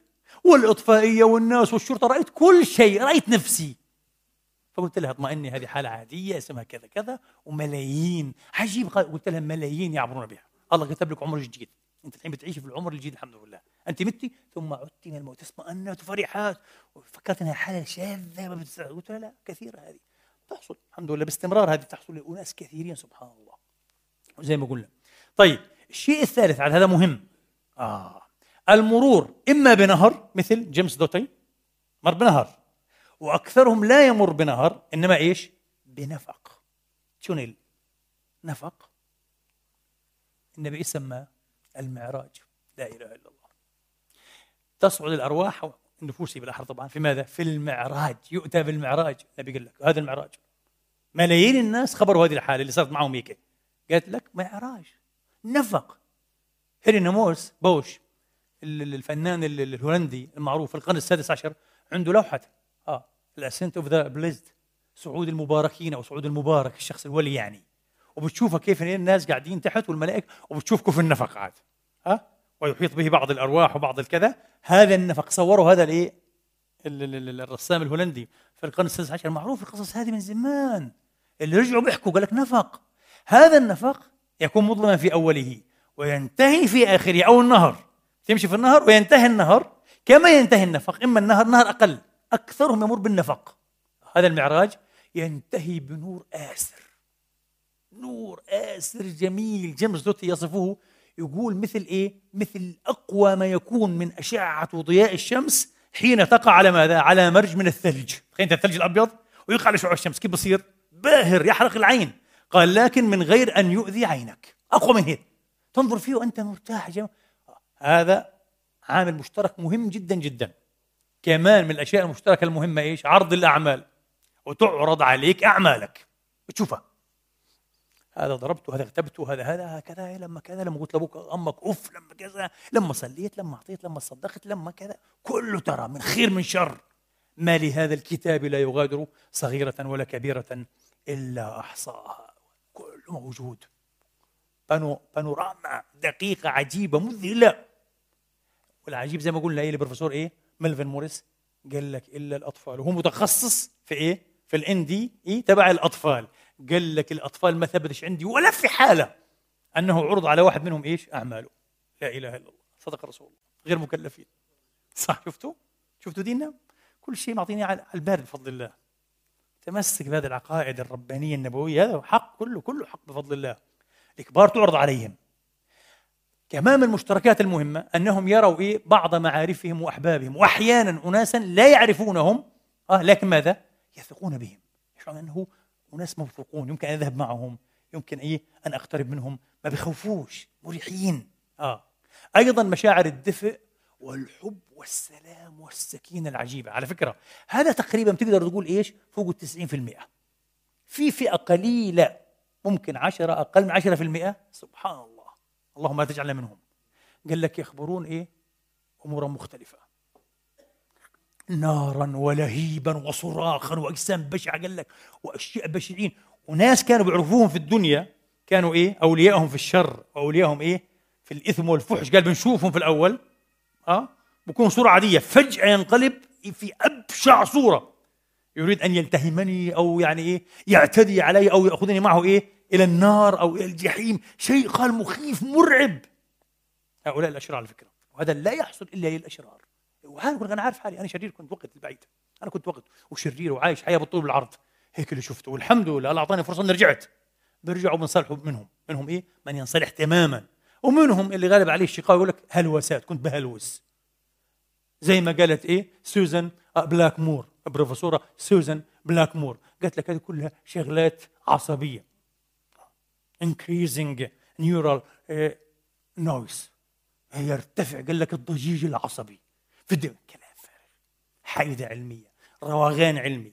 يرتفع ما يرتفعش. إندورفين ما إندورفينش؟ قول لي كيف بشوف من فوق وكيف بشوف الدنيا كلها. الله يخليك. لا تحد عن إيه؟ النقطة المهمة في المسألة كلها. مين هذا اللي بيشوف من فوق؟ صح ولا لا؟ وبيصف كل شيء. قطعا ليس جزءا من المادة. ليس إيه؟ العينان. هاتان الميتتان كلينيكيا كله ميت. مين هو هذا؟ قل لي بس هذا أجيب عن هذا السؤال. ما تدخلنيش في مصطلحات علمية وأشياء. أقول لك قال ال noise قال. آه الضجيج العصبي قال. يرتفع. شو الكلام هذا؟ فسر. وقال لك يمكن إيه استحداث الحالة. ما تستحثها ما المشكلة؟ ما إحنا عارفين. طالما النفس يا إخواني تقبع وتسكن في هذا البدن اقرأوا عينية ابن سينا. هبطت إليك من محل الارفع اقرأ العينية. ابن سينا كان فاهم القضايا هذه. وحكاها فلسفيا من أجمل ما يكون. طالما البدن آه يحتوي هذه النفس نحن بنسميها الروح طبعا مش الروح بيحتوي النفس طبعا النفس هنا تكون خاضعة في أكثر ماذا؟ أولياتها وميكانيزماتها وانشطتها وفاعلياتها لماذا؟ لقوانين البدن تضطر تستخدم البدن كمركبة كشاشة عرض شاشة تلفزيون عشان إيه؟ تعبر عن إيه نفسها ولا مش صحيح؟ يوم ما تخرج منه تتحرر علشان هيك على فكره أنت الآن جيب شخص أو خنقه امنع عنه الأكسجين بعد فترة لما يقل الأكسجين الوارد الدماغ يبدأ يدخل فوق إيش هو؟ في حالة الاقتراب من الموت على فكرة. هتقول لي أنا حدثت بالخنق. آه طبعا. آه. هي بوكس عمله نوع من إيه؟ نقص الأكسجين. بصير. الطيران الطيار فوق. آه بتصير الحالة هذه. ولا مش صحيح. لو رحت عند عشت عند التبت غادي ممكن يصير زي هيك كمان. هم عندهم طفرة في جيناتهم. عادي. لو دخلت مثل آه، الباجا بيبول. آه بجاو عفوا بجاو. شعب البجاو في إندونيسيا تحت. على عمق 50 و60 و70 متر في البحر. حيصير زيك برضه Hypoxia طبعا وحتشعر بانك اقتربت من الموت. على فكرة هذا ذكرني بمقطع جميل للممثل العالم الرائع آه اللي هو ذا فريدمان. اسمه فريدمان هو؟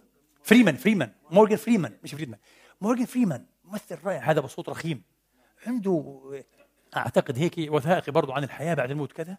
وشاب قصة واحد يا أخي جميل هذا الإنسان. طيب طيب كثير. بيحكي قصته كيف إنه غرق. قال غرقت وشبعت ماء شرب كل ماء وصرت تحت في الأعماق. انتهيت. قال فجأة رأيت نورا يأتي من فوق. ولما بدأ يتحدث دموعه تنزل. رجل صادق بيحكي لفريمان قال له نور لا يمكن أن أصفه لك. من كل لون في ألوان وأشياء لا توصف. ونفس الشيء. نور جميل جميل جميل ومسالم ومحب قال. قال فنظرت فيه واطمأننت وفرحت. فقال لي لم تحن ساعتك بعد. لابد أن تعود الآن. شو أعود أنا ميت؟ غرقان شربت الدنيا كلها. قالوا لا. قلنا بموت ثمان ساعات. بضلوا 200 كلينيكيا أسبوع كذا وبرجعوا بعدين. قال لك آه قال له لا. على فكرة هذا يقال لكل من يرجع. هذا من المشتركات انه يقال له ماذا؟ لم يحن وقتك بعد. لسه عندك إيه لقمه في الدنيا. عندك أعمال عندك شراب بدك ترجع. آه. وبعضهم كأنه يخير يعني. حاب تيجي؟ بس إذا جيت مش حترجع. إذا اجتزت هذا البرزخ الباب أحيانا يكون بشكل باب. ان فتحت هذا الباب دخلت منه مش حترجع. بدك ترجع؟ ارجع من الآن. لا إله إلا الله. ومن ورائهم برزخ إلى يوم يبعثون. يقول لك القرآن مش من عند الله. يا اسكت اسكت. آه. اللهم لا تغم على قلوبنا. آه نوع هذا العناد والاستهبال فيها بعض الناس. برزخ وكذا. كلام دقيق. فقال فعلا وفجأة رأيتني أطفو. مين اللي طلعني؟ كيف أنت شلني؟ أنا أصلا شارب ماء. طلعت فوق انعشت وعدت إلى الحياة قال له وأنا أنا أعيش.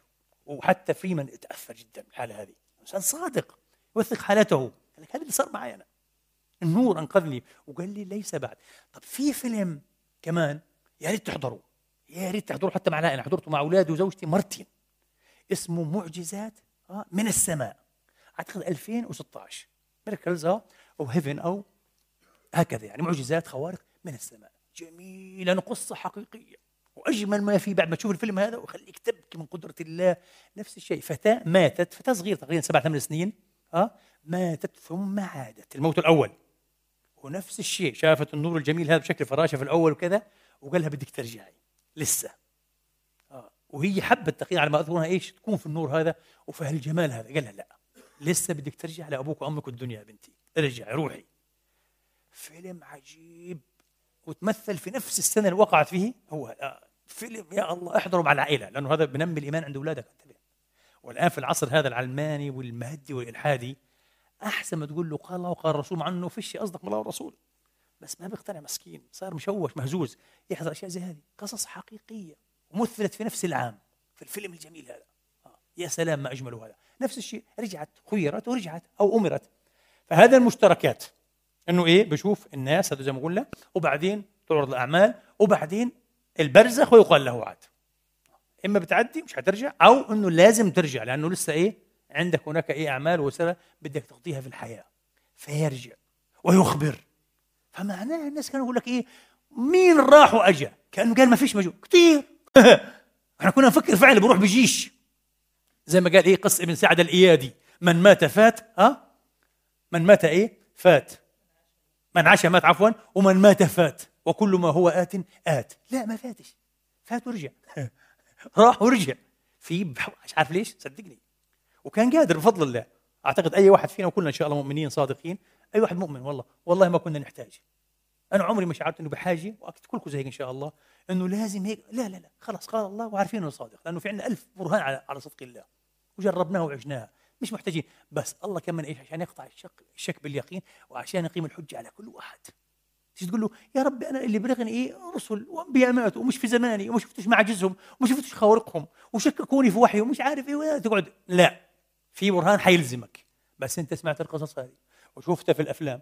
وعرفت أنها إيه؟ حقل علم جديد. ومؤلف فيه كتب. وبروفيسورات. وأطباء كبار. وعلماء. ولانست ومش لانست ودوريات علمية مشهورة. ليش اتعاملت وعملت حالك مش فاهم وما سمعتش وما حبيتش تفكر في القضايا هذه؟ ليش؟ عشان تكمل بكفرك وإلحادك وشهواتك. لا ما كانش حجه يا عبدي. صح؟ انتبه الأمر جد مش هزل الأمر جد مش هزل نسأل الله تبارك وتعالى أن يهدينا بأحسن الهدايات وأن يمن علينا بأسعد الخواتم. إنه ولي ذلك والقادر عليه والحمد لله رب العالمين.